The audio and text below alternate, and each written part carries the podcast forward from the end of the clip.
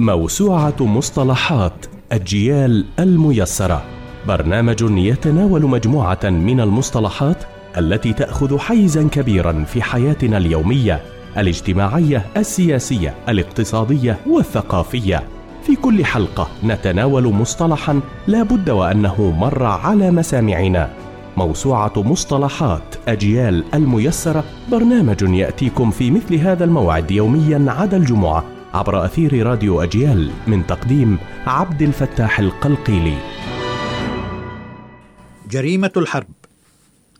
جريمة الحرب تعني خروقات خطيرة لاتفاقيات جنيف الموقعة عام 1949 وانتهاكات خطيرة أخرى لقوانين الحرب.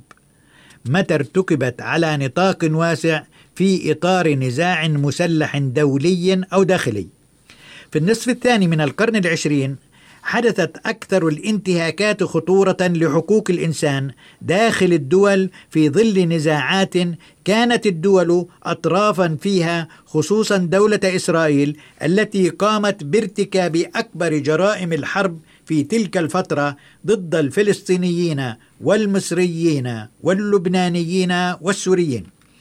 أما الجريمة ضد الإنسانية فتعني أي فعل من الأفعال المحظورة والمحددة في نظام روما متى ارتكبت في إطار هجوم واسع النطاق أو منهجي موجه ضد أي مجموعة من السكان المدنيين.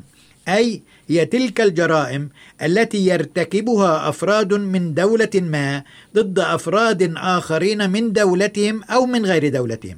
وبشكل منهجي وضمن خطة للاضطهاد والتمييز في المعاملة بقصد الإضرار المتعمد ضد الطرف الآخر وذلك بمشاركة مع آخرين لاقتراف هذه الجرائم ضد مدنيين يختلفون عنهم من حيث الانتماء الفكري أو الديني أو العرقي أو الوطني أو الاجتماعي أو لأية أسباب أخرى من الاختلاف.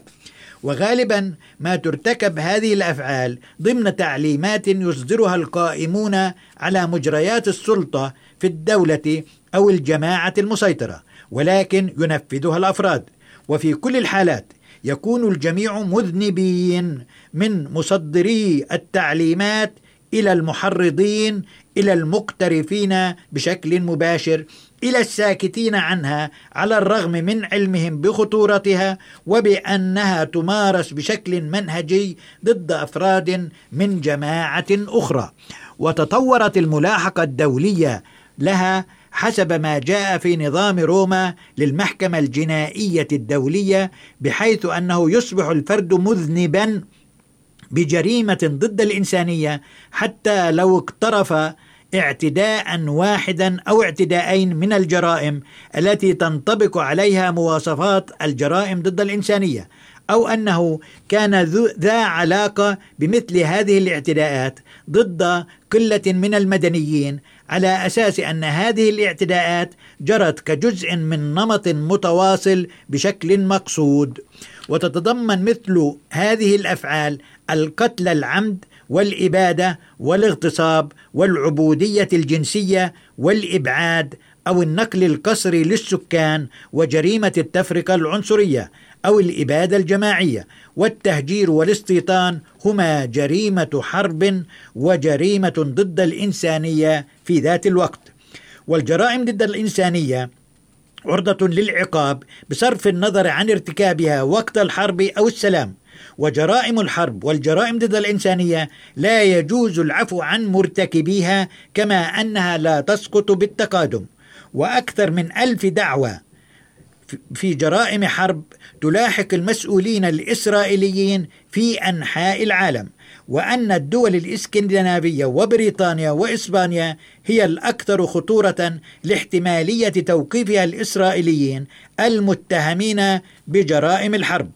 وأشارت صحيفة يدعوت أحرونوت مؤخرا إلى أن ثلاثة محامين إسرائيليين فقط يتصدون لأكثر من ألف دعوة قضائية في جميع أنحاء العالم والتي تهدد قياديين بارزين بالاعتقال كما أشارت إلى أن وزير الدفاع أمرهم بعدم السفر للخارج خوفا من الملاحقة القانونية والاعتقال.